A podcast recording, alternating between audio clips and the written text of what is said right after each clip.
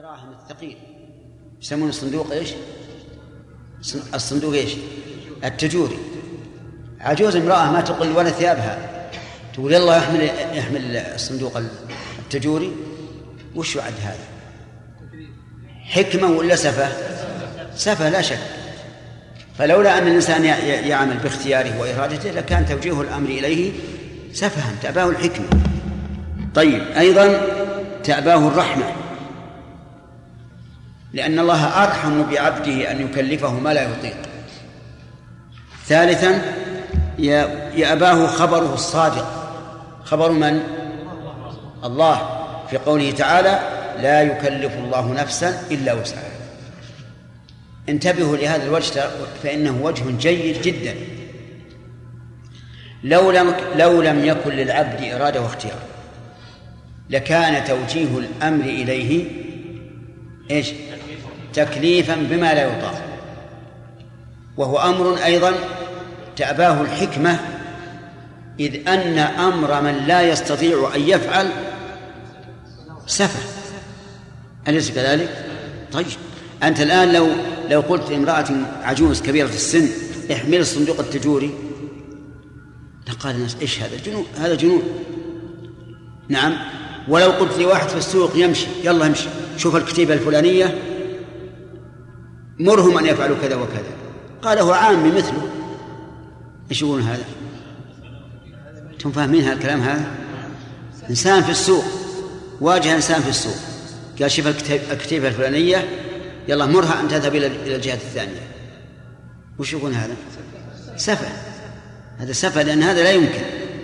فحكمة الله تأبى أن يكلف من لا يستطيع أن يريد ولا يفعل تأبى أن تأمره بأمر. كذلك رحمته أرحم الراحمين. لا يمكن أن يلزم عباده بما لا بما ليس باستطاعتهم.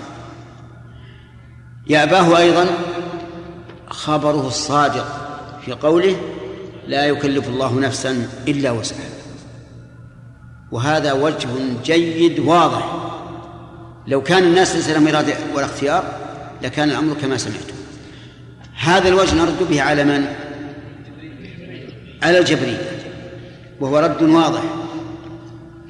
ثانيا يقول ثالثا مدح المحسن على إحسانه وذم المسيء على إساءته وإثابة كل منهما بما يستحق. هذا مما يدل على أن فعل العبد بإرادته واختياره. لو كان بغير إرادة ولا اختيار هل يتوجه أن نلوم المسيء ونثني على المحسن؟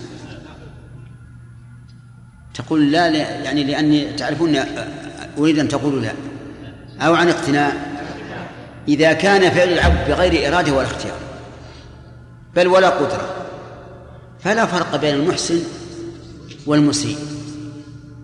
ولا يمكن أن يتوجه المدح والثناء إلى المحسن والذم إلى والقدح إلى إلى المسيء لأن كل منهما يفعل بدون اختيار وبدون قدرة فلا يتوجه مع أن القرآن والسنة مملوءان بالثناء والمدح للمحسنين والذم والقدح للمسيئين.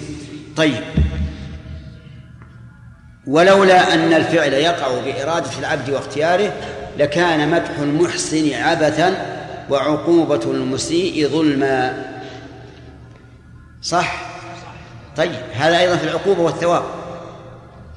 إذا قلنا إن المحسن يفعل بدون إرادة وبدون اختيار.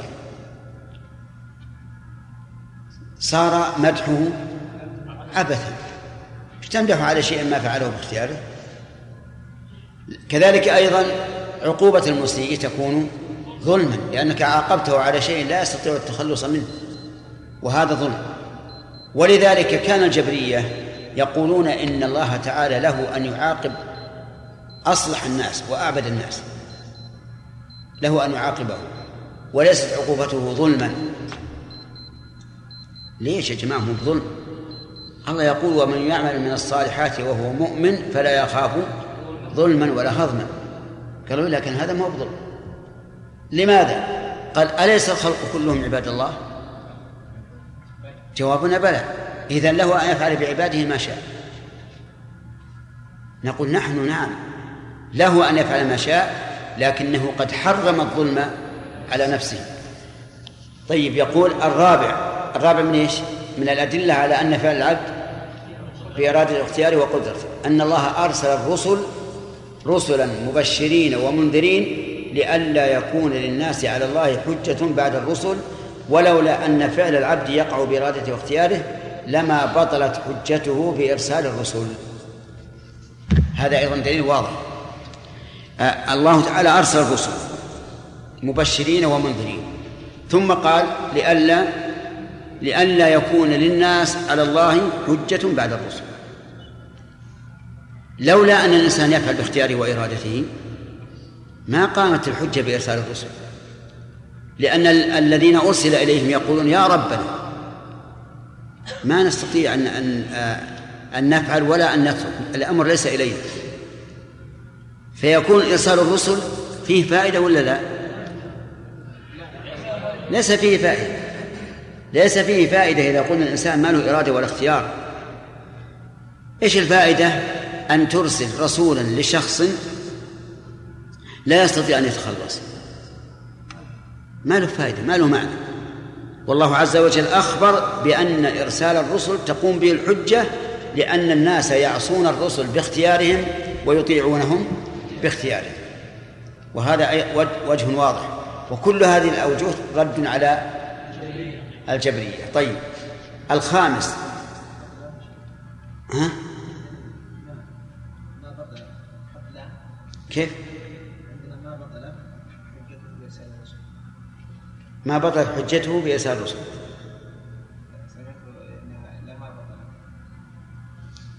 كل واحد. عندكم لما إيه ما عندنا ما عندنا.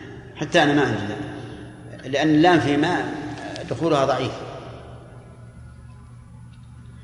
طيب يقول الخامس أن كل فاعل يحس أنه يفعل الشيء أو يتركه بدون أي شعور بإكراه فهو يقوم ويقعد ويدخل ويخرج ويسافر ويقيم بمحض إرادته. ولا يشعر أن بأن أحدا يكرهه على ذلك. بل يفرق تفريقا واقعيا بين أن يفعل الشيء باختياره وبين أن يكرهه عليه مكره وكذلك فرق الشرع بينهما تفريقا حكميا فلم يؤاخذ الفاعل بما فعله مكرها عليه فيما يتعلق بحق الله تعالى. ها؟ كيف؟ لا حكميا. حكميا هذا الصواب صححوه.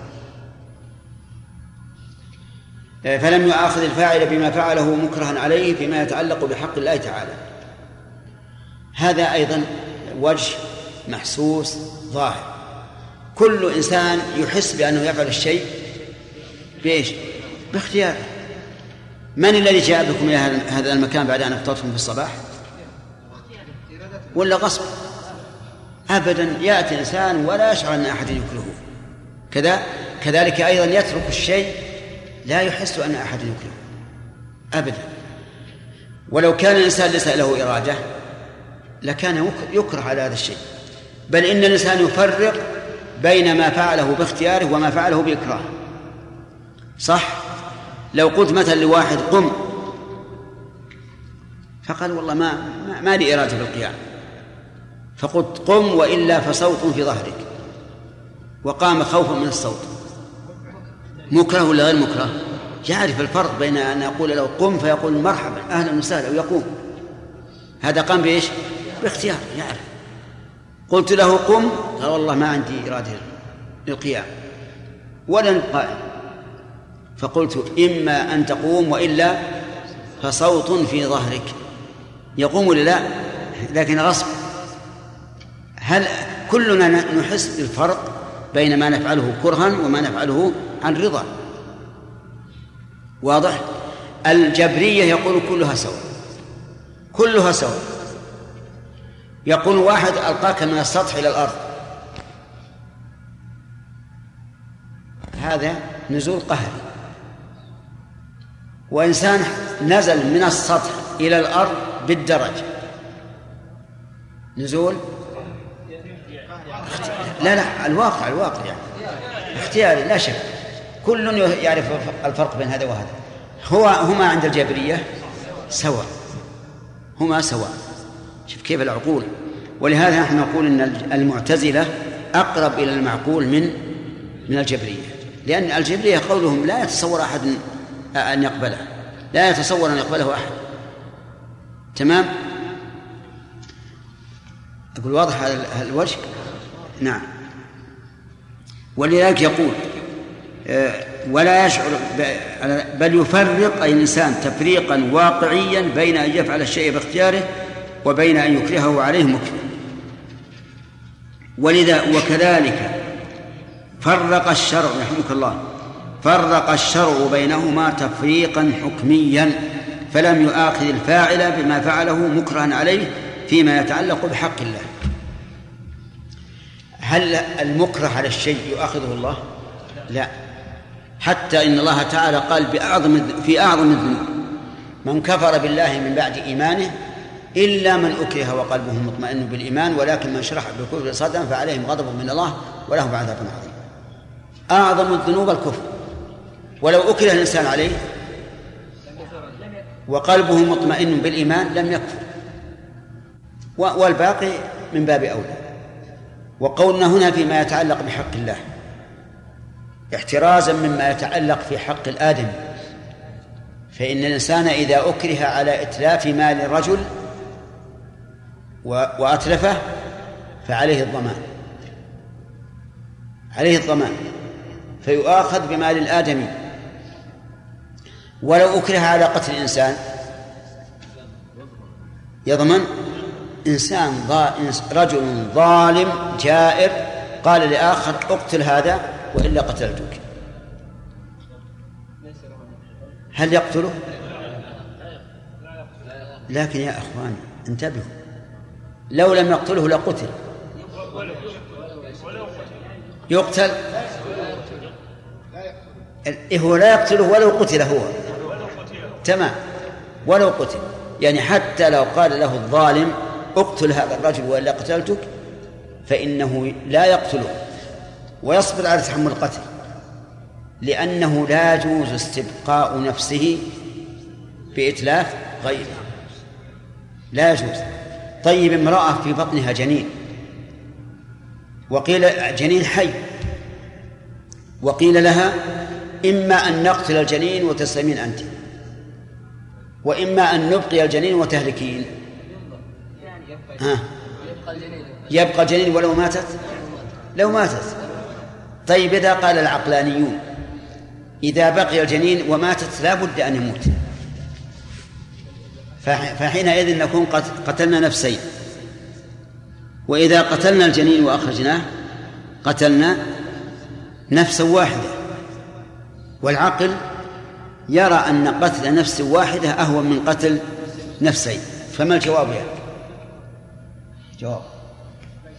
إيه الله إنك سارح والله ما تدري هو أنت بالمسجد ولا بالسوق الله أعلم إيش؟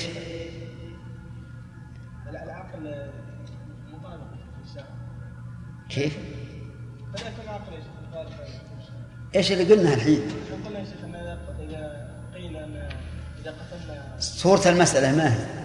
امرأة إي نعم نعم مخيرة مخيرة نقول إما نقتل ولدك بالحين أنت أو نقتل أو نخرج ابنك وتموت هل هذا الصورة يا جماعة؟ شفت إنك سارح في خيالك. هذه امرأة حامل وولده حي.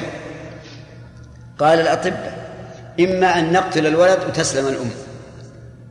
يعني نقتل ونسوي عملية وتسلم الأم. وإما أن يبقى في بطنها فتموت الأم. والمعروف أنه إذا ماتت الأم مات الجنين. فيقولون نقتل الجنين ونطلعه وتسلم الأم. وحينئذ نكون قتلنا نفسين فقط نفسا واحدة فقط. لكن لو أبقيناه ماتت الأم ثم مات قتلنا نفسين. إيش نقول؟ تموت الأم.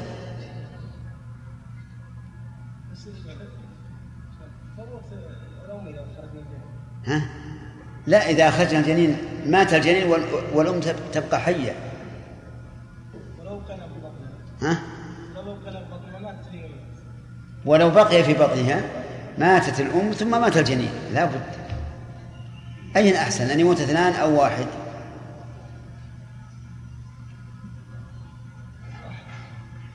واحد. إذا نقتل الجنين ونطلعه ونخليهم تبقى. هذا. هذا الحكم. السؤال ما هو لك يا ولد.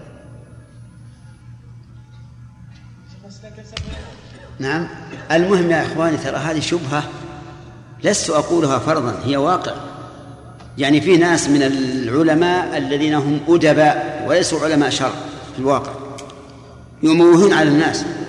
يقول اقتل الجنين وخلي الأم تبقى لأنك لو أبقيت الجنين ماتت الأم ومات الجنين. فهمت؟ ومعلوم أن قتل نفس واحدة أهون من قتل نفسين. ها. يقول أن قتل الجنين عدوان. نعم. يعني موت الأم غير متحقق. غير متحقق. غير يعني شك مشكوك لا لو كان مئة بالمئة. الطبيب يقول هذه مئة بالمئة ستموت. هذا إلى الله سبحانه وتعالى. إيه ولا الله لكن في علامات.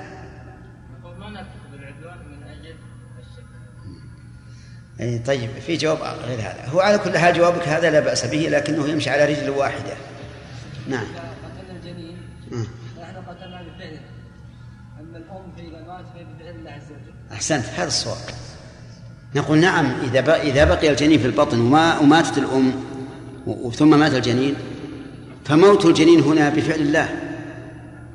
أليس كذلك؟ موت الجنين بفعل من؟ بفعل الله مو بفعلنا. لكن لو قتلناه صار موته بفعلنا فلا يحل واضح؟ طيب إذن نقول إن, إن إنه إن قولنا في حق الله تعالى احترازا من إيش؟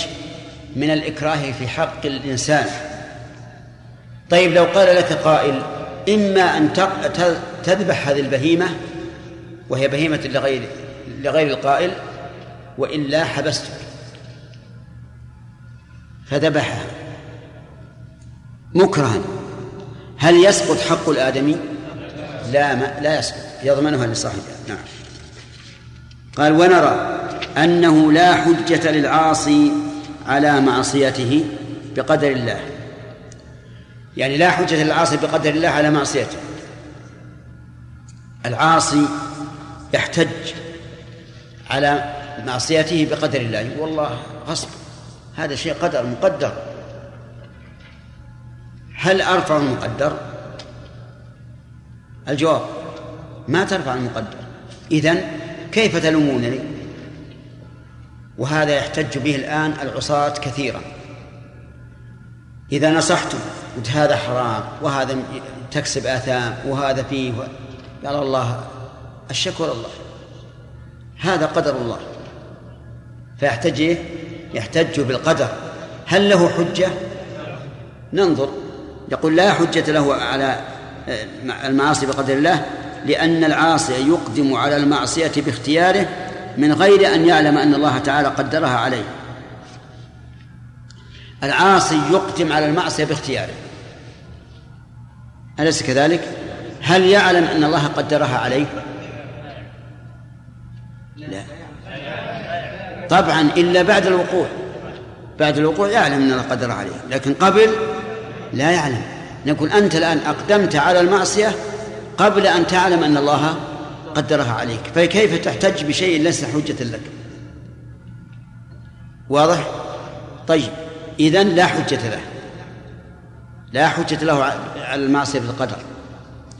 وذكروا أن أمير المؤمنين عمر بن الخطاب رضي الله عنه قدم إليه سارق فأمر بقطع يده.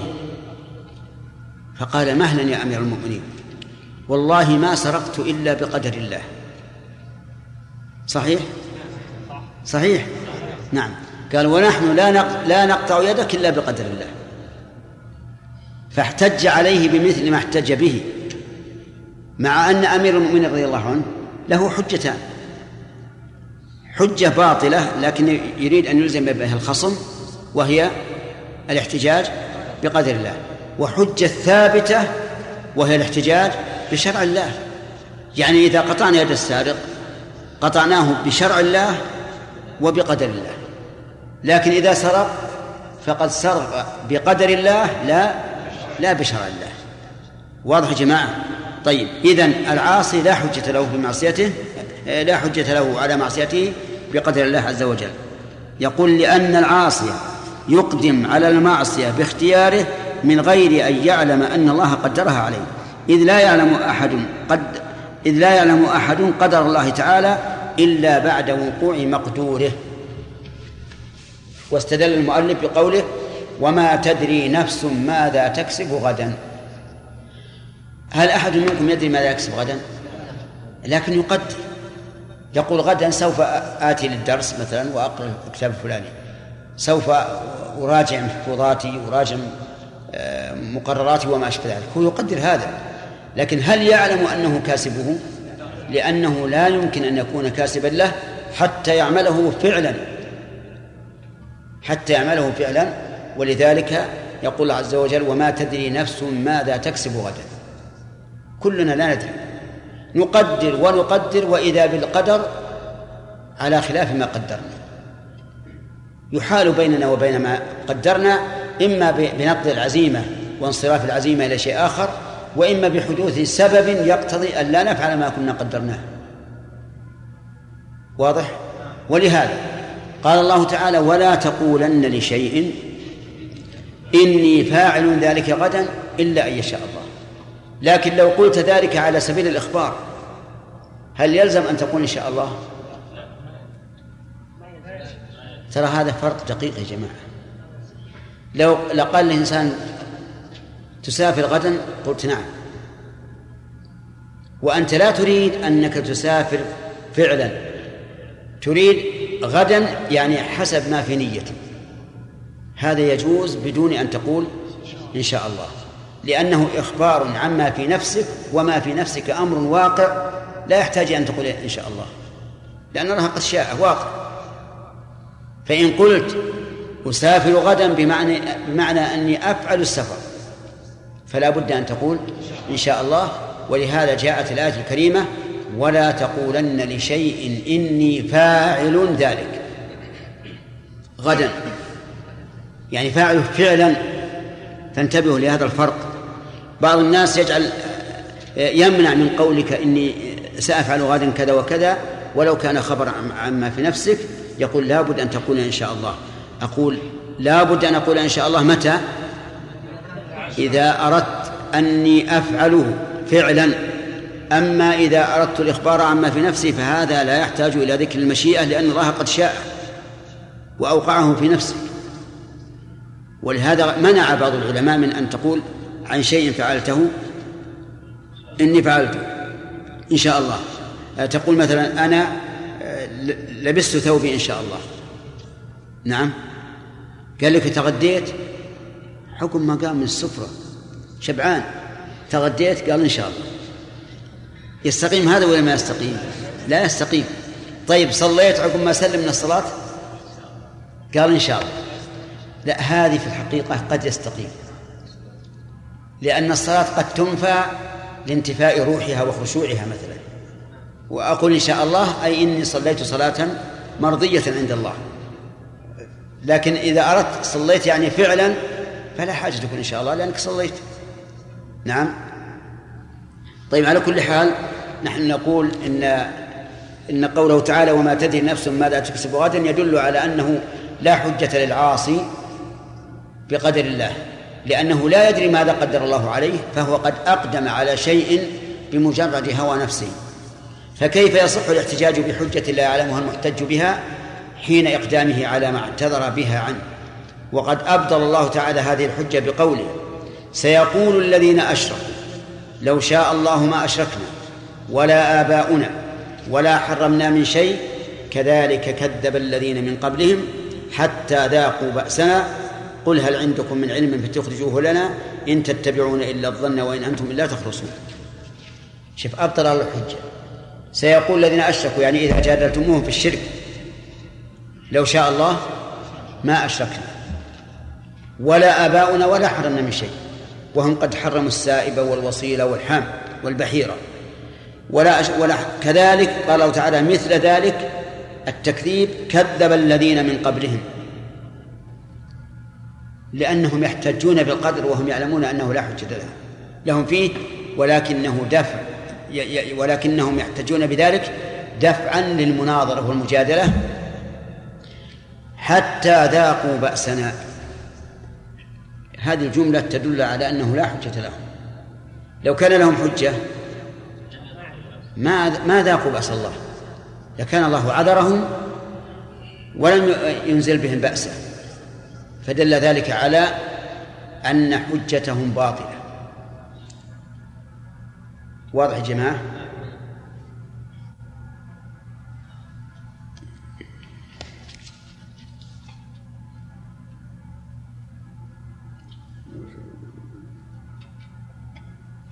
قال الله تعالى للرسول عليه الصلاة والسلام ولو شاء الله ما أشركوا وما جعلناك عليهم حفيظا.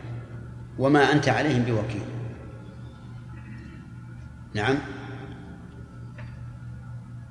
كيف يقول لو شاء الله ما أشركوا؟ فيجعل المشيئة عذرا في شركهم. وفي آية أخرى أبطل هذا العذر. والقرآن لا يتناقض. نقول قالها الله تعالى للرسول تسلية له. حتى يرضى بشركهم رضا قدريا لا شرعيا. لأن الله قال في قبل هذا اتبع ما أوحي إليك من ربك لا إله إلا هو وأعرض عن المشركين ولو شاء الله ما أشرك. فذكر الله ذلك تسلية للرسول عليه الصلاة والسلام حتى يرضى ويسلم بماذا؟ بالقدر. ولو أن المشركين احتجوا بالمشي... بمشيئة الله رضا بمشيئة الله ولكن أقلعوا عن شركهم إيش؟ لصحت حجتهم. لكنهم قالوا لو شاء الله ما أشركنا استمرارا على شركهم. وهذا فرق دقيق يجب على طالب العلم أن ينتبه له. فقول الله لو شاء الله ما أشركوا هي قول المشركين لو شاء الله ما أشركنا لكن بينهما فرق. المشركون ذكروا ذلك احتجاجا بقدر الله على معصيته. والله تعالى ذكر ذلك تسلية للرسول عليه الصلاة والسلام ورضا بقدر الله حتى لا لا يهلك لعلك باخع نفسك على على آثارهم. إن لم يؤمنوا بهذا الحديث أسد. طيب. ثم قال ونقول للعاصي إذن الوجه الأول واضح. أنه يفعل باختياره وأنه لا مكره له. ونقول الثاني نقول للعاصي المحتج بالقدر. لماذا لم تقدم على الطاعة مقدرا أن الله تعالى قد كتبها لك؟ فإنه لا فرق بينها وبين المعصية في الجهل بالمقدور قبل صدور الفعل منك. صح؟ إلا أي آية؟ ذكرناها. ما كملتها؟ كملناها. كملناها لكن إحنا شرحنا المقصود منها فقط. ونقول العاصي المحتج بالقدر لماذا لم تقدم على الطاعة؟ مقدرا أن الله تعالى قد كتبها لك كما أقدمت على المعصية مقدرا أن الله كتبها لك. إذ لا فرق بين هذا وهذا. الكل غير معلوم عنده عند العاصي هو لا يعلم أن الله قدر عليه خير أو شر إلا إذا وقع. فنقول لماذا لم لما هممت بالمعصية؟ لماذا لم تقدر أن الله كتب لك الطاعة؟ فتعملها. إذ لا فرق بينه بينها وبين المعصية في الجهل بالمقدور قبل صدور الفعل منك. فبطلت حجته أو لا؟ بطلت لا شك. ونقول أنت إذا قدرت أن السيئة كتبت لك فقد أسأت الظن بالله. ورأيت نفسك لست أهلا للعبادة.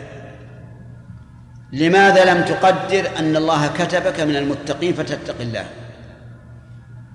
أنت الآن قدرت أن الله كتبك من المعصين وهذا لا حجة لك فيه. ولهذا لما أخبر النبي صلى الله عليه وسلم الصحابة بأن كل واحد قد كتب مقعده من الجنة ومقعده من النار قالوا أفلا نتكل وندع العمل؟ قال لا اعملوا فكل ميسر لما خلق له. هذا النبي عليه الصلاة والسلام كان ذات يوم وابنته تدفن على شفير القبر. فقال ما من أحد إلا وقد كتب مقعده من الجنة ومقعده من النار. كتب في علم الله. قالوا يا رسول الله أفلا نتكل وندع العمل؟ ما دام ما دام الشقي كتب شقيا والسعيد كتب سعيدا ألا نتكل؟ فقال لا. ثم ذكر جملة لو اجتمع أكبر الفصحاء على أن يعبروا بمثلها اختصارا واقتناعا ما, ما, ما استطاع قال اعملوا فكل ميسر لما خلق له. اعمل يا أخي. وأنت إذا عملت يس فأنت ميسر لما خلقت له. لا تتكل على الكتاب. فأما من أع... نعم ثم قرأ فأما من أعطى واتقى وهذا فعل. اختياري ولا إكراهي؟ اختياري. فأما من أعطى واتقى وصدق بالحسنى فسنيسره لليسرى. واضح. فإذا رأيت أن الله سبحانه وتعالى من عليك بالعطاء بالإعطاء والتقوى الإعطاء فعل المأمور لأن فيه تكلفا للفعل فهو بذل النفس. واتقى المعاصي. وصدق بالحسنى هذا التصديق بالأخبار. فجمع بين العمل والتصديق فسنيسره لليسرى. أقول إذا رأيت أن الله قد من عليك بثلاث الأوصاف الإعطاء والاتقاء والتصديق. فأبشر أن الله سوف ييسرك لليسرى. كما قال الله للنبي عز وجل كما قال الله لنبيه صلى الله عليه وعلى آله وسلم وسنيسرك لليسرى. طيب. وأما من بخل واستغنى وكذب بالحسنى فسنيسره للعسرى. هذه هذا دليل. الدليل الثالث قال ونقول للعاصي المحتج بالقدر. لو كنت تريد السفر لمكة وكان لها طريقان. أخبرك الصادق أن أحدهما مخوف صعب والثاني آمن سهل فإنك ستسلك الثاني ولا يمكن أن تسلك الأول وتقول إنه قدر إنه مقدر علي. ولو فعلت ذلك لعدك الناس في قسم المجانين. صح؟ إنسان مثلا آه، سيسافر إلى مكة. نقول له إذا رحت مع مع الجانب الأيسر مع الطريق الأيسر فإنه صعب ومخوف ممتلئ قطاع طريق ممتلئ أودية وجبالا خطر عليك الطريق الأيمن سهل معبد آمن ميسر قلت والله بروح مع هذا مع الأيسر ليش؟ قال لأنه مكتوب عليه ماذا يقول الناس؟ مجنون بس؟ نعم. ما يقول السفيه فقط؟ يقال هذا مجنون. يسلك الطريق الوعد المخوف وعنده الطريق السهل الآمن. ثم يقول يا الله مكتوب عليه. كل الناس يقول هذا هذا جنون. الآن أمامك طريقان. بينهم الله عز وجل. لك. وهديناه النجدين. شوف هديناه النجدين دللناه على الطريقين. طريق سهل آمن واضح.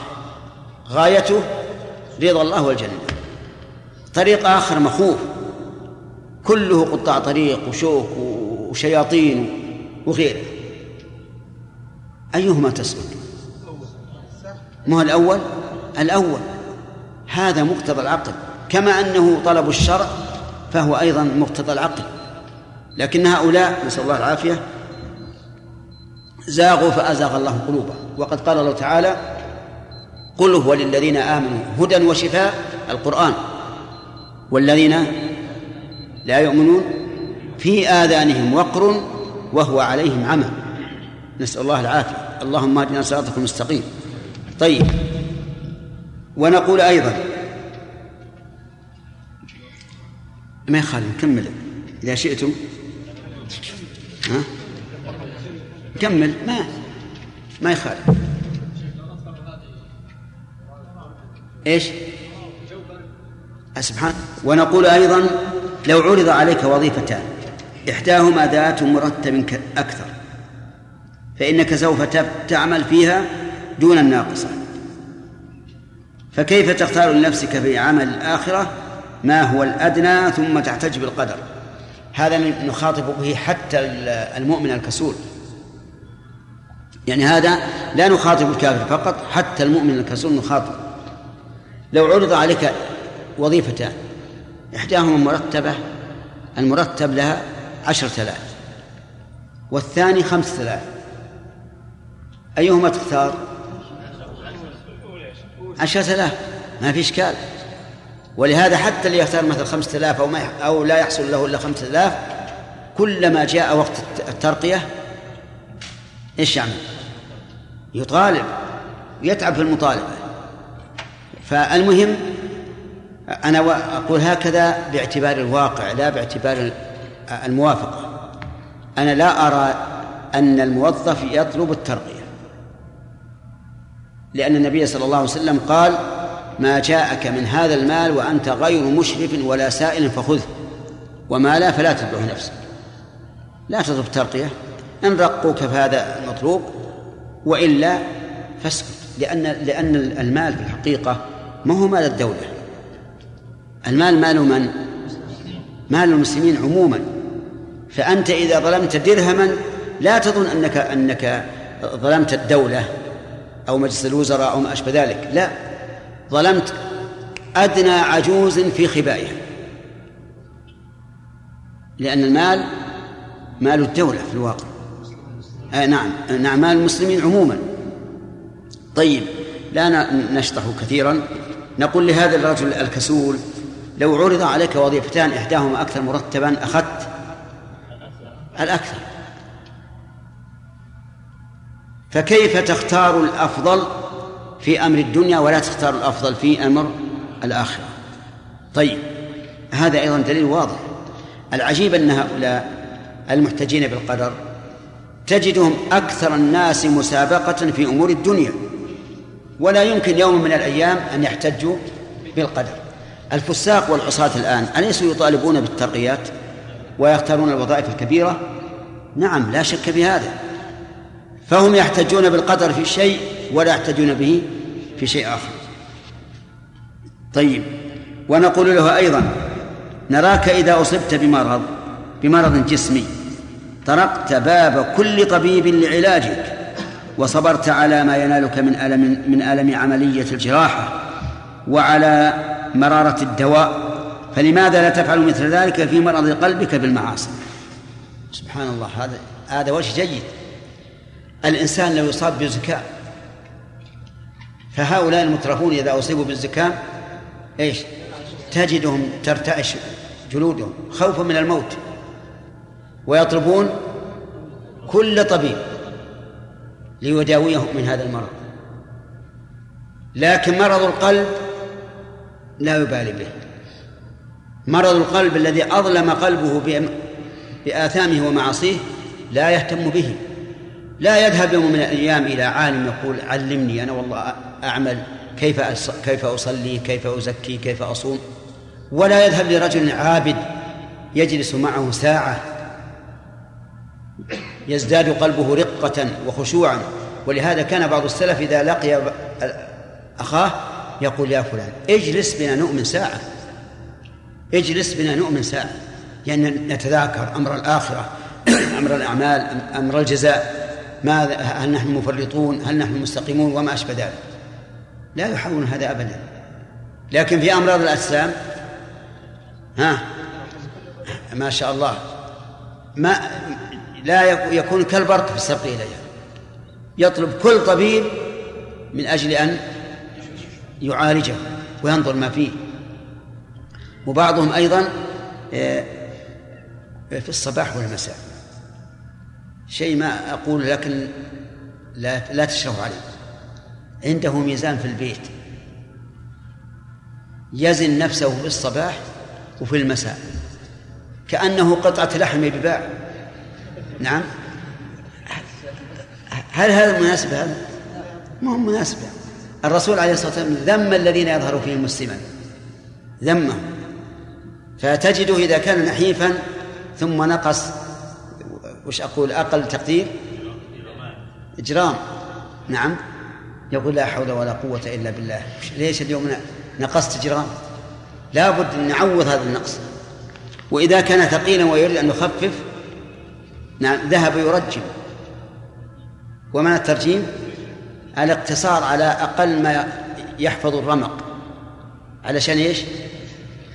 يخف. يخف. لازم يكون على وتيرة واحدة طيب كم معدل من له ثلاثون سنة؟ كم معدله في الوزن؟ نعم. قالوا المعدل مثلا خمسين كيلو. نعم. هو وجد نفسه إنه زائد كيلو.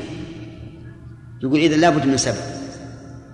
ارجع للطبيب السبب ليش إني زدت كيلو اليوم يمكن زاد خبزه على الأكل وزاد كيلو الله أعلم على كل حال أنا أقول إن هؤلاء الذين يحتجون بالقدر على المعاصي لو خاطبتهم في في مسائل الدنيا لوجدتهم إيش؟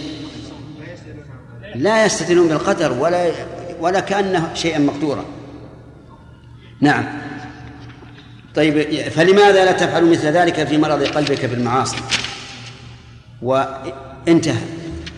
فصار العاصي لا حجة له في معصيته بإيش؟ بقدر الله عز وجل. ولا يجوز لنا أبدا أن نصادم الشرع بالقدر. الشرع والقدر كلاهما صنوان لا لا يكذب أحدهما الآخر بل يساعد أحدهما الآخر. والقدر كما قال بعض العلماء القدر سر مكتوم وش معنى مكتوم؟ أي مكتوم عن الخلق لا يعلمونه لا يعلم ما في غد إلا الله ولا يعلم ولا تعلم نفس ما لا تكسب غدا ولما قالت الجارية مع جوار يغنين ويندبن من قتل من آبائهن في أحد أو في بدر دخل النبي عليه الصلاة والسلام عليهن فقالت إحداهن وفينا رسول يعلم ما في غد. نهاها الرسول عليه الصلاة والسلام. قال لا تقولي هكذا ولكن قولي بالذي تقولين. أما هكذا فلا. شف فغلق عنها الرسول باب الشر وفتح لها باب المباح. ما قال لا تكلمين أبدا؟ قال هذا ممنوع وهذا جائز. وهذه طريقة القرآن والسنة. إذا ذكر الممنوع ذكر المباح. لئلا ينسد الطريق أمام الإنسان. وتعرفون أن الإنسان لو كسح من أول الأمر وقيل لا تفعل كذا ولم يفتح له باب تضيق عليه نفسه أريد مثال من القرآن على أنه إذا ذكر الممنوع ذكر الجائز. طيب. وأحل الله البيع وحرم الربا. لا تقولوا راعنا وقولوا انظرنا. في القرآن في السنة آه، قال عليه لا تقولوا ما شاء الله وشئت ولكن قولوا ما شاء الله وحده. آه، بع التمر بالدراهم ثم اشتري بالدراهم جنيبا أي تمرا طيبا. وكانوا يبيعون التمر بالتمر متفاضلا بناء على اختلاف الرداء والجودة فأرشدهم الرسول عليه الصلاة والسلام إلى المباح ومنعهم من المحرم. ونقف على هذا ونسأل الله التوفيق. الحمد نعم. آه كمال؟ بالنسبة لسؤال جانبي يعني بالنسبة للتخفيف لمن ظن يعني ظن في نفسه أن هذا قد يؤول إلى مرض إيش أعد؟ تخفيف السمن. لمن ظن في نفسه أنه قد زاد عن حده. يعني. نعم المعدل زاد عن المعدل. بوزن كبير قد يعرضه هذا الوزن على كلام أهل الاختصاص الاطباء إلى أمراض. نعم. مثل مرض نفسه. نعم. ألا يوجد له ويشرع له؟ ألا؟ ألا يشرع له آه، أن يخفف استطاع لا مسألة الشرع هذا شيء ثاني. لكن قال ألا يباح؟ لا أنا يشرع. لا. لأن نقول قد يقول قائل هذا حرام. لأن تخفيف السمن من تغيير خلق الله. فالله خلقك على هذا الوجه لا تغير. هذا يشبه التحسين بفرج الأسنان وال و... وغيرها مما ورد النهي عنه. لكن يا شيخ أنا قيدته بقولي أن آه. هذا السمن سبب لمرض معين ذكره الأطباء. يعني فيه مرض. السبب قد ي- قد يؤثر وقد لا يؤثر. وكم من شيء قال الأطباء أن هذا سبب لكذا ولم يكن. لكن على كل حال هو من قسم المباح. لكن الذين يزنون أنفسهم كل يوم لا يريدون هذا أنه مرض. يريدون أن يخشون أنه مرض يأتيهم بعد عشر سنوات. هذا مو على كل حال. قد يخف ال- اليوم ويطل غدا. كما أنك الآن في نفسك تجد مثل بعض الأعضاء توجعك اليوم وغدا ما توجعك بدون أي دواء. نعم.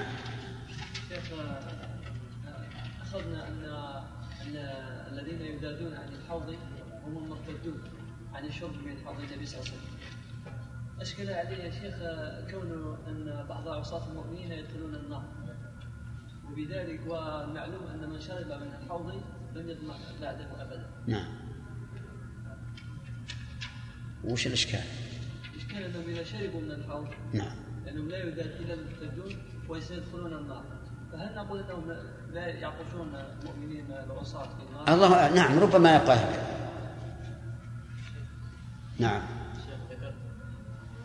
الجبرية يعني أبعد عن ما يقول من المعتزلة نعم.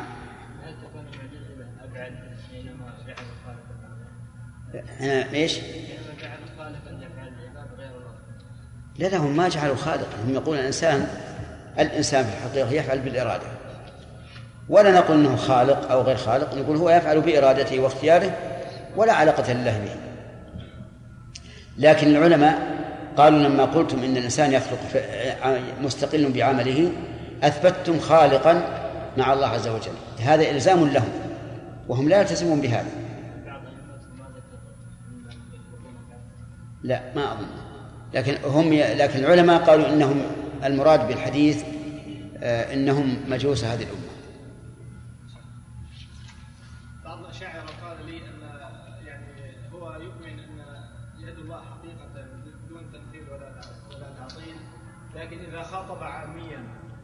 خاطب رجل يعني عنده علم كلام أو ما أشبه ذلك فإنه يكلمه بما يعلم مثلا العام يقول له يد الله حقيقية فإنه يتبادر لذهنه أن يد كيده العامي فقال فأنا أجبر أن أقول له آه، قوة مثلا. أصلا بارك الله فيك العامة ما نقول له حقيقة ولا غير حقيقة. لا لو سأل العامي مثلا.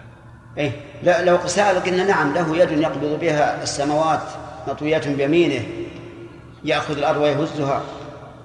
نعم يطوي بها السماء كطي سجل الكتب وهكذا. يعني هو يقول إنه ما يفعل يعني نذكر ال ال الأشياء التي يفعلها الله بيده وحينئذ يبقى تعظيم الله في قلبه ثابتا. ما حاجة تقول له حقيقة ولا شيء. العام لا تقول له حقيقة يمكن يضربك على الوجه. أنا قال لك الحقيقة ولا ما هي بحقيقة أحد ينكر أنها حقيقة؟ ولهذا لو لو لو لو وكل الناس إلى فهمهم الطبيعي الفطري ما طرأ في بالهم آه، هذا هذا التحريف. طيب في مناقشة أهل الكلام يعني أبدا مناقشة هذا الكلام ما نتنزل له أبدا.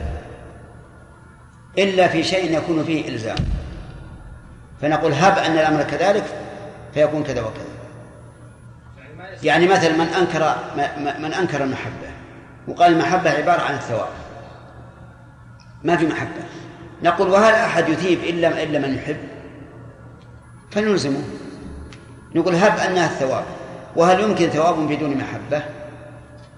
هذا لا بأس. أما أن نتنازل له للانسحاب أمامه فهذا لا يمكن. بل نقول هي يد حقيقية بها يأخذ وبها يقبض. ولا يهمه ويقول هكذا الاشاعره كلهم يعني يؤمنون عقيدة أهل السنة والجماعة لكن إذا جادلوا أهل الكلام هكذا يقولون. لا هذه كلها هذه تمويه تمويه بل إن بعض بعض ال- الجهال والمعاندين يقولون من دفع الجهمية والمعتزلة إلا بمذهب الأشاعرة. سبحان الله. مذهب الأشاعرة الباطل يبطل به الباطل. لكن يدفعون بالكتاب انتهى نعم انتهى.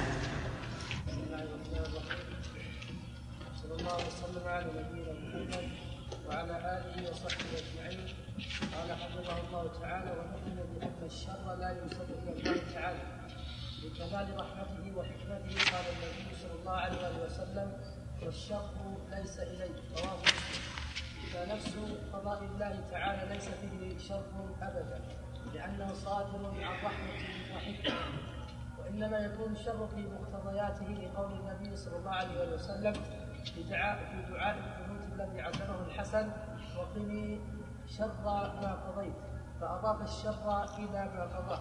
ومع هذا فإن الشر في في المقضيات ليس شرا خالصا محضا بل هو شر في محله في محله. في محله وجه خير من وجه أو شر في محله خير في محل آخر. الفساد في الأرض الفساد في الأرض من الجد والمرض والفقر والخوف شر لكنه خير في محل آخر قال الله تعالى ظهر الفساد في البر والبحر بما كسبت أيدي الناس ليذيقهم بعض الذي عملوا لعلهم يرجعون. وقطع وقطع يد السارق ورجل الزاني شر بالنسبة للسارق والزاني في قطع اليد وإزهاق النفس. لكنه خير لهما من وجه آخر. حيث يكون كفارة حيث يكون كفارة لهما فلا يجمع لهما بين عقوبتي الدنيا والآخرة. وهو أيضا خير في محل آخر حيث إن فيه حماية الأموال والأعراض والأنساب أحسنت. بسم الله الرحمن الرحيم. قال ونؤمن يعني معشر أهل السنة والجماعة بأن الشر لا ينسب إلى الله. الشر لا ينسب إلى الله فلا يقال بيده الخير والشر. وإنما لماذا؟ قال لكمال رحمته وحكمته. قال النبي صلى الله عليه وسلم والشر ليس إليك رواه مسلم. وهنا لو أن المؤلف رحمه وفقه الله ورحمه لو لو جاء بالحديث أولا لكان أحسن. لو قال والشر ونؤمن بأن الشر لا ينسب إلى الله لقوله تعالى لقوله صلى الله عليه وسلم والشر ليس إليك ولأن ذلك ينافي كمال رحمته وحكمته لكان أجود. لكن الإنسان عند التأليف قد يغيب عنه بعض الشيء. فهنا نقول الشر لا ينسب إلى الله أبدا. الدليل قول النبي صلى الله عليه وسلم والشر ليس إليك. ولأن هذا ينافي كمال الرحمة إذ أن الرحيم لا يمكن أن يريد الشر. أبدا. الرحيم إنما يريد الخير. كذلك أيضا الحكمة تأبى أن أن يريد الشر لأنه جل وعلا حكيم. وإذا كان الحكيم ينتفي عنه فعل السفة الذي ليس فيه خير ولا شر فكيف بفعل الشر؟ إذن هنا دليل أثري ودليل نظري على أن الشر ليس إلى الله. الدليل الأثري هو قوله قوله صلى الله عليه وسلم والشر ليس إليه. النظري أن ذلك ينافي كمال الرحمة والحكمة. وإنما يكون الشر في في مقتضياته. الظاهر في مقضياته. ما في نسخة مقضياته؟ ها؟ إيه؟ لا. الصواب في مقضياته.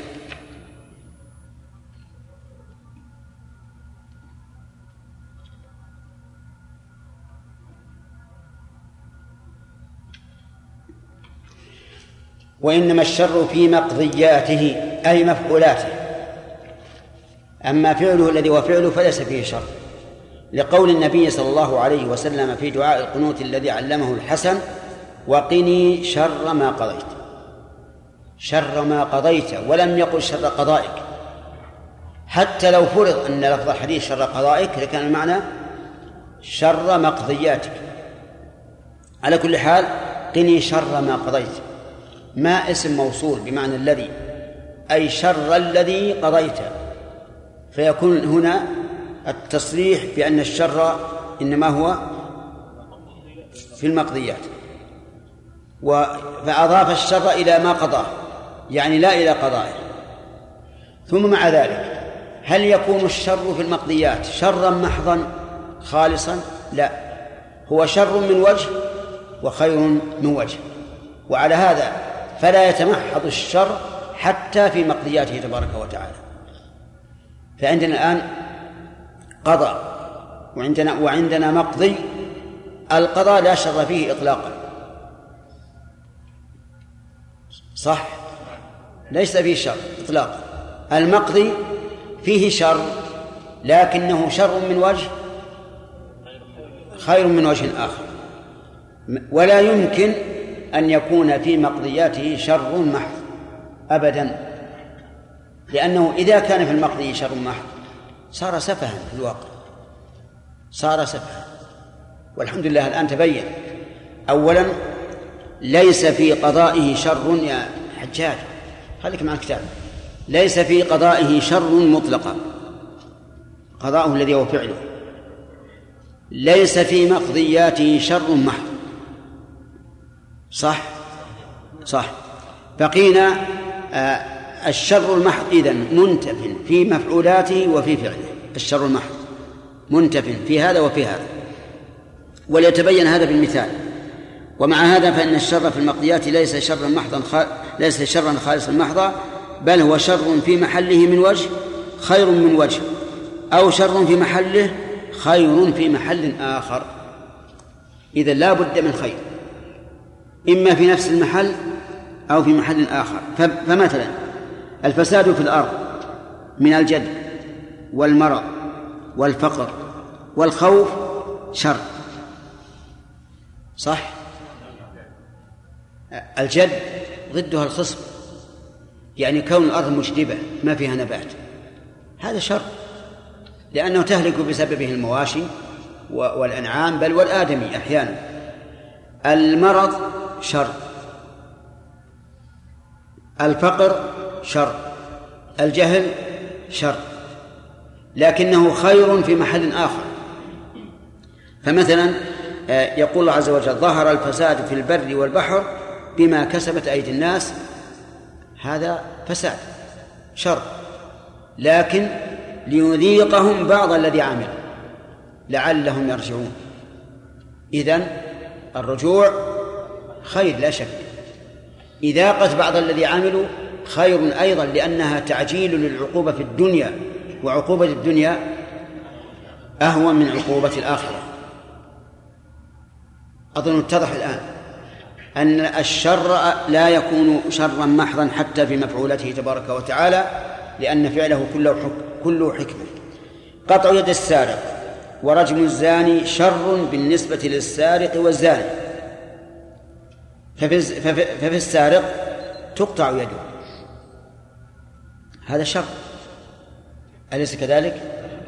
طيب الزاني المحصن يرجم هذا شر لأنه يموت. ولكنه ولكنه خير لهما من وجه آخر. شو انتبه. المثال الأول الفساد في الأرض.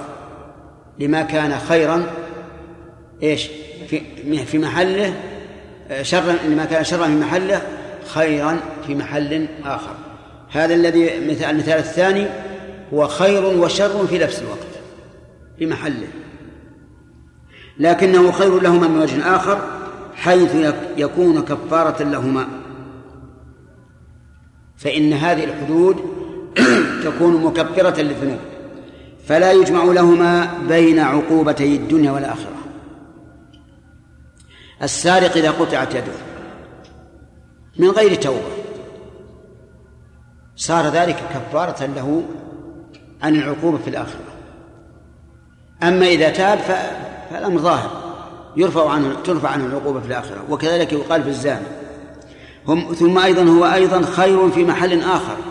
ما هو اللي نشير إليه؟ قطع يد السارق. ورجم الزاني خير في محل آخر حيث إن فيه حماية الأموال والأعراض والأنساب. ما الذي في حماية الأموال؟ قطع يد السارق. كل إنسان يعرف أن يده ستقطع لو سرق سوف يدع السرقة. كذلك أيضا الزنا فيه حماية الأعراض وفيه حماية الأنساب. كل إنسان يعرف أنه إذا زنى وهو محصن رجم فإنه لن يزني. فنحفظ حينئذ أعراض أعراض بني آدم ونحفظ أنسابهم. إذ أنه لو أبيع لو أن الإنسان يزني كلما شاء لاختلطت الأنساب فلا يدرى هذا الولد من الوطء الحلال أو الوطء الحرام. إذا قال قائل أيما أهم الأبدان أو الأموال؟ الأبدان. لكن المصلحة العامة تربو على المصلحة الخاصة. حماية أموال الناس حماية عامة. وقطع يد السارق نعم خاصة يعني فساد خاص أو ضرر خاص. فالمسائل العامة مقدمة على الخاصة ولهذا قطعنا يد السارق من أجل أنه سرق ربع دينار. ربع دينار تقطع يده. إذا سرق ربع دينار. ربع الدينار يساوي خمس وعشرين ريال تقريبا. أو أقل. تقطع يده. ولو أن جانيا قطعها ألزمناه بكم؟ نصف الدية. خمسين بعير. خمسين بعيرا. كيف هذا؟ كيف يكون قيمة اليد خمسين بعيرا وإذا سرقت فخذ بعير قطعت. نقول أما الأول فحماية للأبدان والأنفس وأما الثاني فحماية للأموال. نعم. ولهذا قال بعض أهل العلم إن قطع يد السارق بربع دينار حماية للأموال. وإن وإن جعل ديتها نصف دية النفس حماية للنفوس وهذا هو الحق. انتهى الكلام على الأصول الستة وهي الإيمان بالله وملائكته وكتبه ورسله واليوم الآخر والقدر خيره وشره. وهذه هي أصول الإيمان التي بنى أهل السنة والجماعة إيمانهم عليها. فما هي الثمرات لهذه العقيدة؟ هذه العقيدة في الحقيقة تثمر ثمرات جليلة لمن ألقى السمع وهو شهيد لمن كان له قلب أو ألقى السمع وهو شهيد.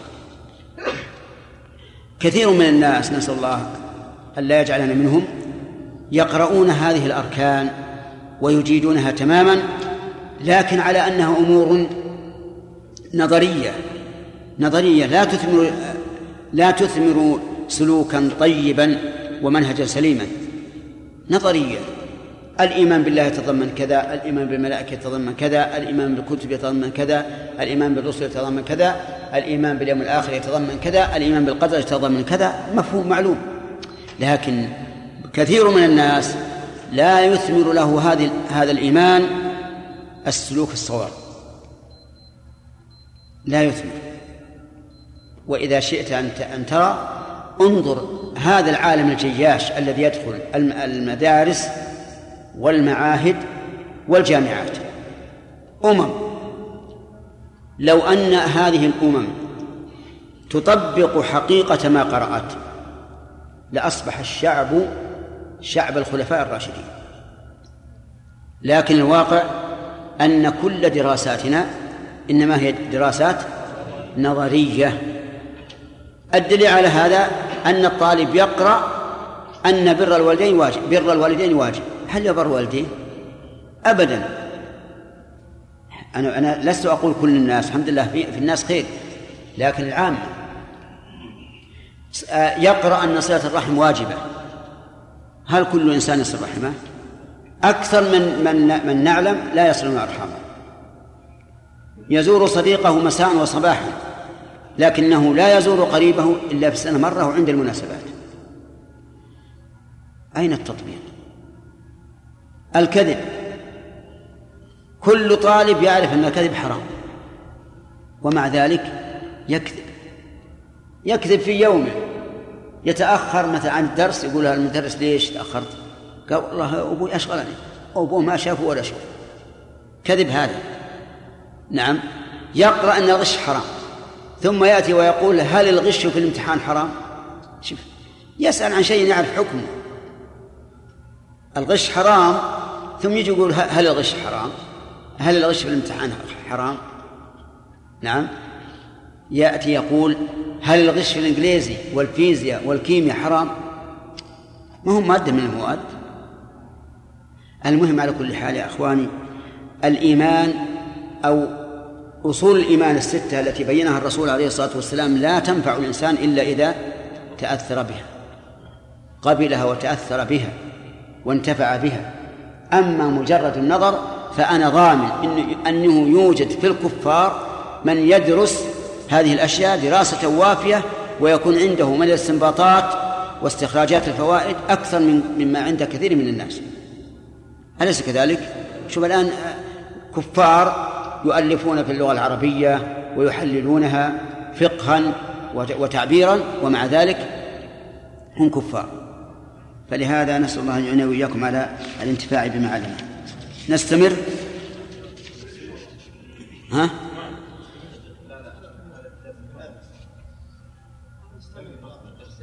هي لها فصلين.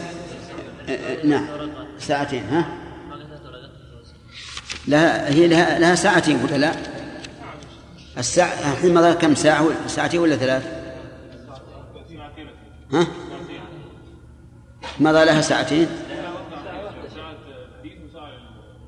أي أجل ناخذ. باقي لا باقي لها ساعة. باقي. طيب يقول فصل هذه العقيدة السلفية المتضمنة لهذه الأصول العظيمة تثمر لمعتقدها ثمرات جليلة كثيرة. إيش؟ هذه العقيدة. أي أحسن هذه العقيدة السامية يعني العالية المتضمنة لهذه الأصول العظيمة تثمر لمعتقدها ثمرات جليلة كثيرة.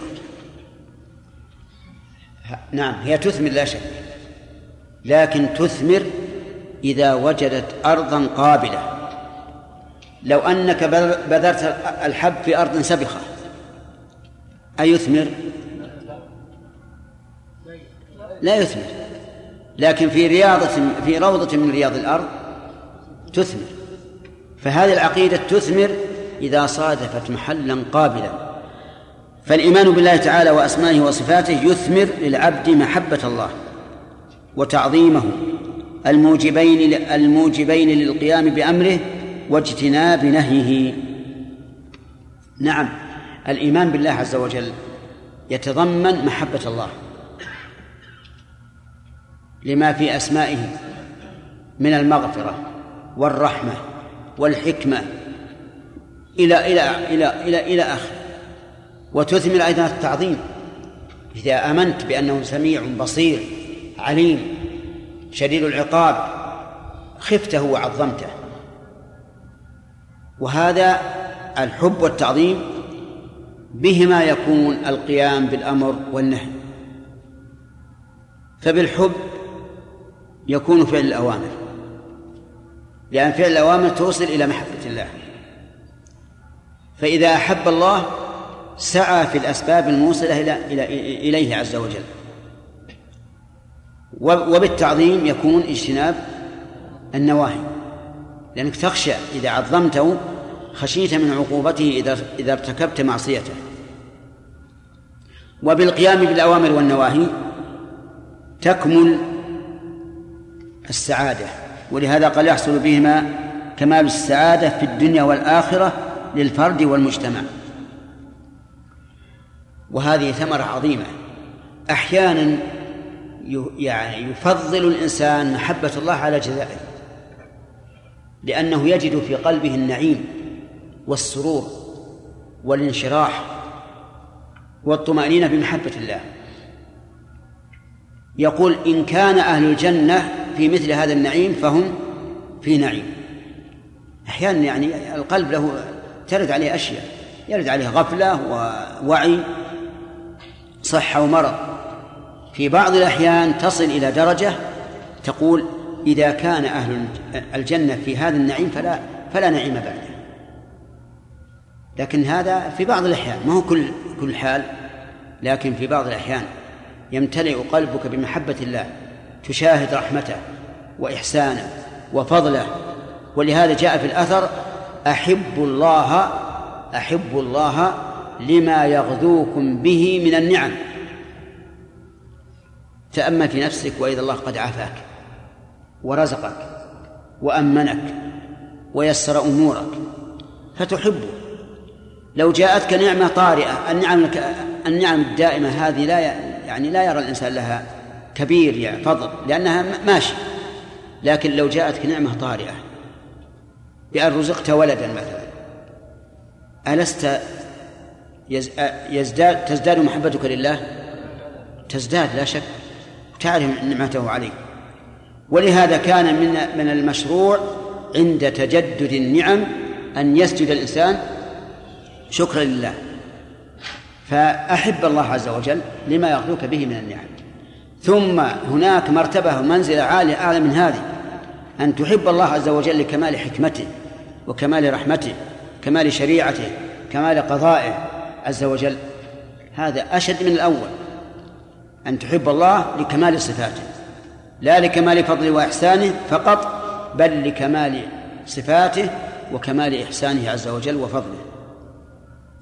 إذن الإيمان بالله يثمر هذه الثمرة الجليلة.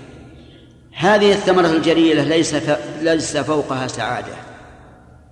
والله لا القصور ولا الأزواج ولا البنين ولا المراكب الفخمة ولا كل نعيم يساوي هذا. ولهذا قال تعالى من عمل صالحا من ذكر أو أنثى وهو مؤمن وهو مؤمن. هذه الجملة حالية قيد. ما ينفع العمل الصالح بدون إيمان. يقول وهو مؤمن فلنحيينه حياة طيبة. ما أعظم القرآن والمتكلم به. فلنحيينه حياة طيبة ولم يقل فلنرزقنه أو فلنغينه فلنكثرن ماله. قال فلنحيينه حياة طيبة. الحياة الطيبة تكون حتى مع الأمراض حتى مع الفقر حتى مع البلاء. يكون الإنسان مطمئنا صابرا على قضاء الله وقدره راضيا به ربا وهذه هي الحياة الطيبة. لا لا ينظر عند المصائب إلا إلى الله عز وجل. يسأله الثواب ويرجوه إزالة المحنة وحينئذ تطيب حياته. لكن الذي ليس عنده إيمان أو عنده إيمان لكن ناقص العمل تجده يجد كل مصيبة حسرة في قلبه. لأنه لا يرجو ثوابا ولا تكفيرا للسيئات إذ أن همه أن يكون في هذه الدنيا منعما فإذا فاته النعيم ولو في لحظة واحدة حزن. ودام قلقه. لكن الذي الذي مع الله صابرا لقضائه صابرا على قضائه محتسبا لثوابه تجده دائما مسرورا. حتى عند المصائب يحزن لكنه لا يرى أن ذلك انتقام من الله عز وجل آه، إلا إلا لمصلحة هذا الرجل. ولذلك قال فلنحيينه حياة طيبة هذا جزاء الدنيا. في الآخرة ولنجزينهم أجرهم بأحسن ما كانوا يعملون. أي بثواب أحسن العمل. بمعنى أنهم يثابون أحسن الثواب في كل عمل. والأعمال تختلف وثوابها يختلف لكن يجزى على كل عمل بأحسن جزاء وليس المعنى أنه يجزى آه، جزاء الصلاة على من فعل طاعة يسيرة. بل المعنى أنه يجزى أحسن جزاء على كل عمل وكل كل عمل بحسبه. طيب يقول بعض السلف لو يعلم الملوك وأبناء الملوك ما نحن فيه لجالدونا عليه بالسيوف. الملوك قد كملت لهم الدنيا. أليس كذلك؟ معززين مكرمين تخدمهم الناس وتسهل تسهل أمورهم لكن ليست راحة قلوبهم كراحة المؤمن المتصل قلبه بالله. أبدا مهما كان. تجد ينام على هم ويقوم على هم. لا بالعكس ينام على غم ويقوم على هم. لكن المؤمن ينام على طاعة الله ويقوم على طاعة الله. عند نومه اللهم بك وضعت جنبي وبك أرفعه. إن أمسكت روحي فاغفر لها وارحمها وإن أرسلتها فاحفظها بما تحفظ به عبادك الصالحين ويفوض أمره إلى الله. عند القيام الحمد لله الذي أحيانا بعدما أماتنا وإليه النشور. تجده دائما على ذكر الله عند نومه وعند يقظته ودائما قلبه حي حي بذكر الله عز وجل.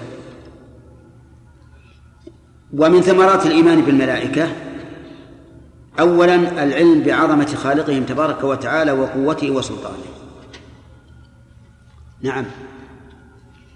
العلم بعظمة الله لأن عظمة المخلوق تدل على إيش؟ على عظمة الخالق ولا بد. الملائكة عليهم الصلاة والسلام أقوياء في كل شيء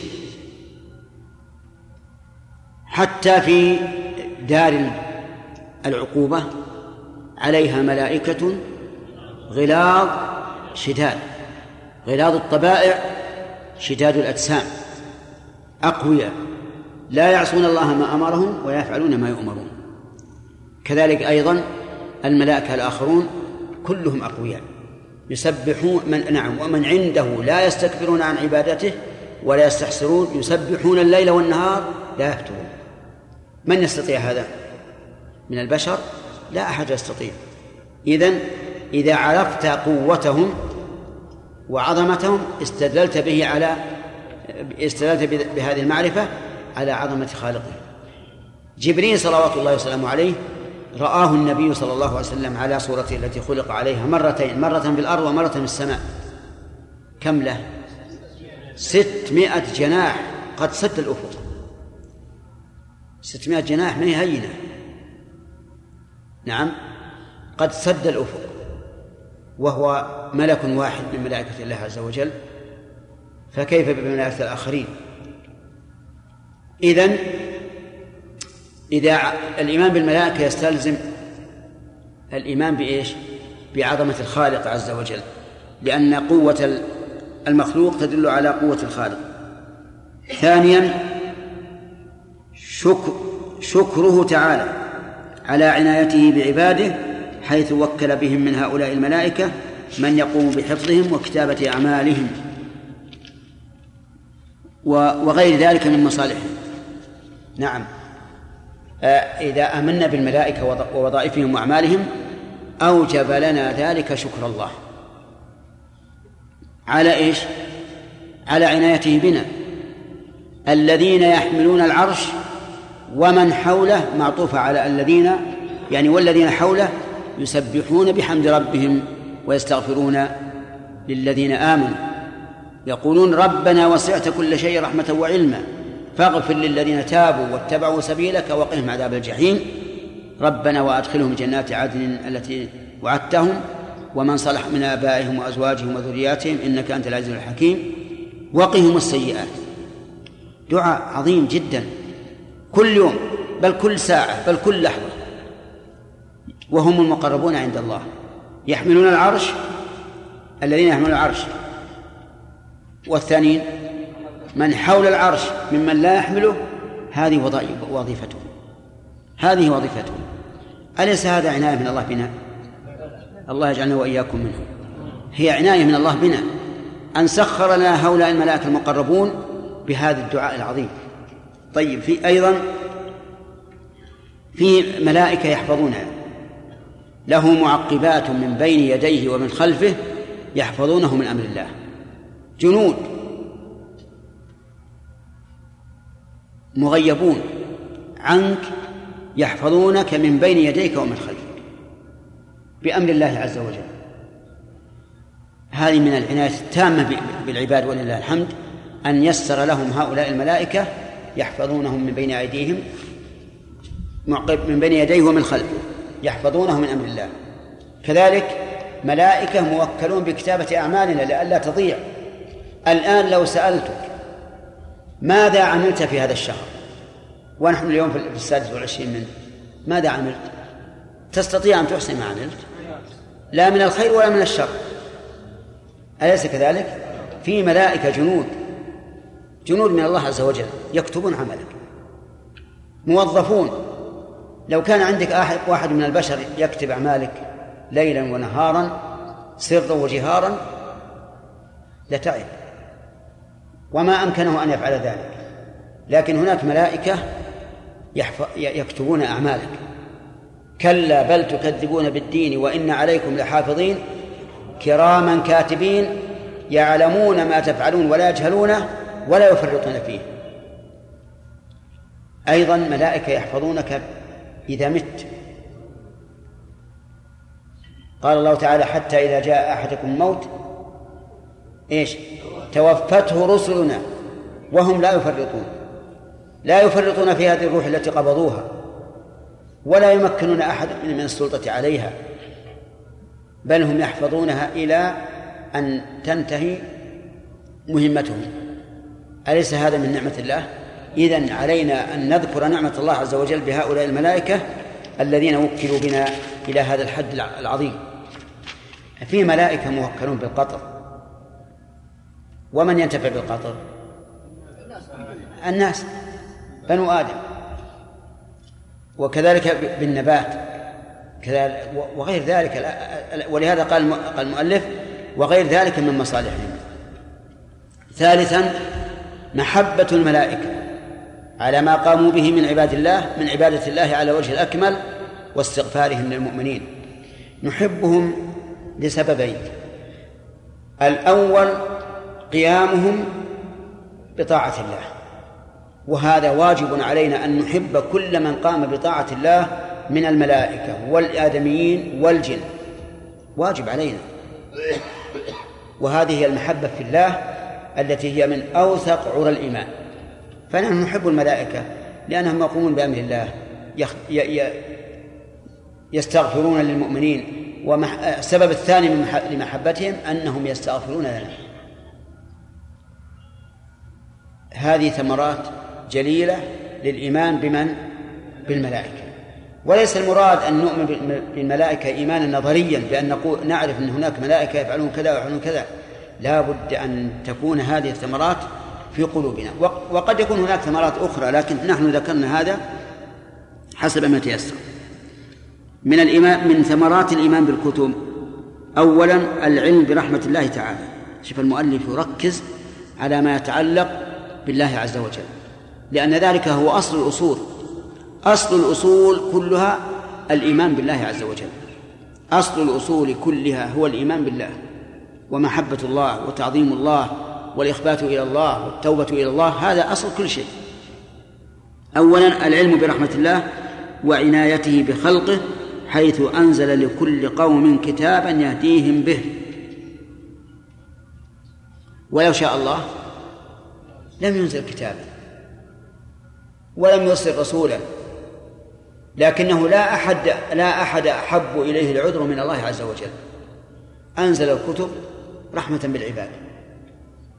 أرسل الرسل رحمة بالعباد وما أرسلناك إلا رحمة للعالمين. فيتبين لنا بهذا رحمة الله عز وجل وعنايته بالخلق وأنه لم يكلهم إلى عقولهم. لو وكلنا إلى عقولنا هل يمكن أن نعرف كيف نتوضأ؟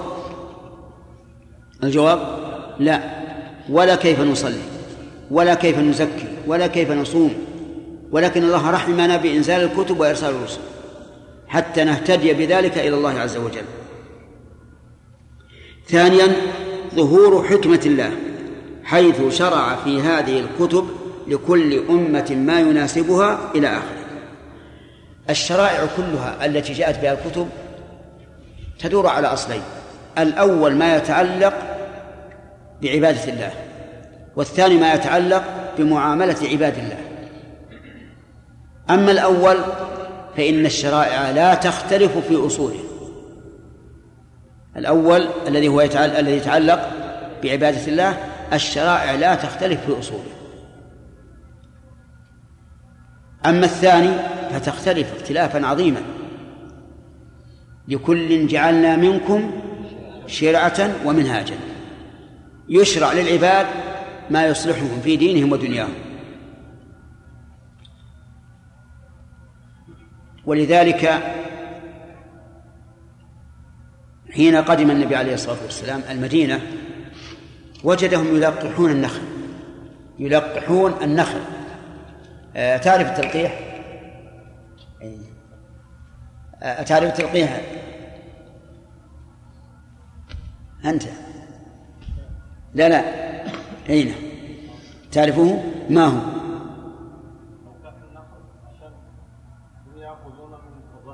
أي أي نعم. التلقيح والتأبير يؤخذ من طلع الفحل ويوضع في طلع الأنثى من النخل.